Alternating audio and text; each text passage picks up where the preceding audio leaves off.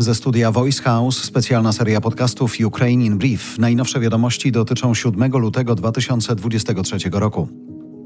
Prezydent USA na rocznicę wojny w Ukrainie będzie w Polsce. Jak podaje NBC News, Joe Biden ma odwiedzić Polskę pod koniec lutego, żeby zwrócić uwagę na ukraiński opór wobec agresji Rosji i potwierdzić solidarność USA z walczącą Ukrainą.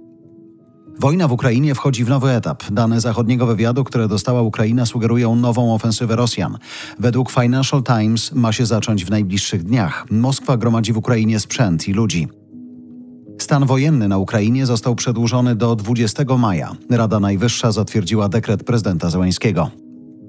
Minister obrony Ukrainy pisze na Twitterze: Trwam na posterunku. Dziękuję za wsparcie i krytykę. Wyciągam wnioski. W weekend w dużych zachodnich mediach pojawiały się informacje z otoczenia prezydenta Ukrainy, że szef MON straci stanowisko na rzecz szefa wywiadu w Kijowie.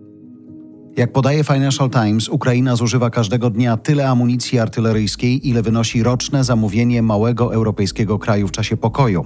Popyt na amunicję na Ukrainie sprowokował kryzys w łańcuchu dostaw. Firmy zbrojeniowe próbują teraz zarówno zwiększyć produkcję amunicji dla Europy, ale także nie pozostawić Ukrainy bez amunicji.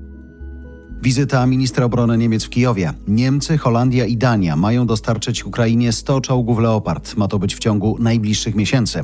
Chodzi o wsparcie logistyczne i szkolenie żołnierzy także. Groźny pożar w fabryce dronów Edge Autonomy na Łotwie. To amerykańska firma, która produkuje drony chociażby dla Ukrainy, ale też innych sojuszników z NATO. Mer Paryża jest przeciwna udziałowi Rosji na igrzyskach. Tak długo, jak będzie trwała wojna w Ukrainie, nie życzę sobie obecności reprezentacji Rosjan na igrzyskach, powiedziała. Tymczasem kolejne państwa zaapelowały o niedopuszczenie Rosjan i Białorusinów do startu w Igrzyskach w Paryżu w 2024 roku. Narodowe Komitety Olimpijskie Szwecji, Danii, Finlandii, Islandii i Norwegii wysłały do organizatorów specjalne oświadczenie z prośbą o niedopuszczenie sportowców z Moskwy i Mińska do udziału w międzynarodowych zawodach.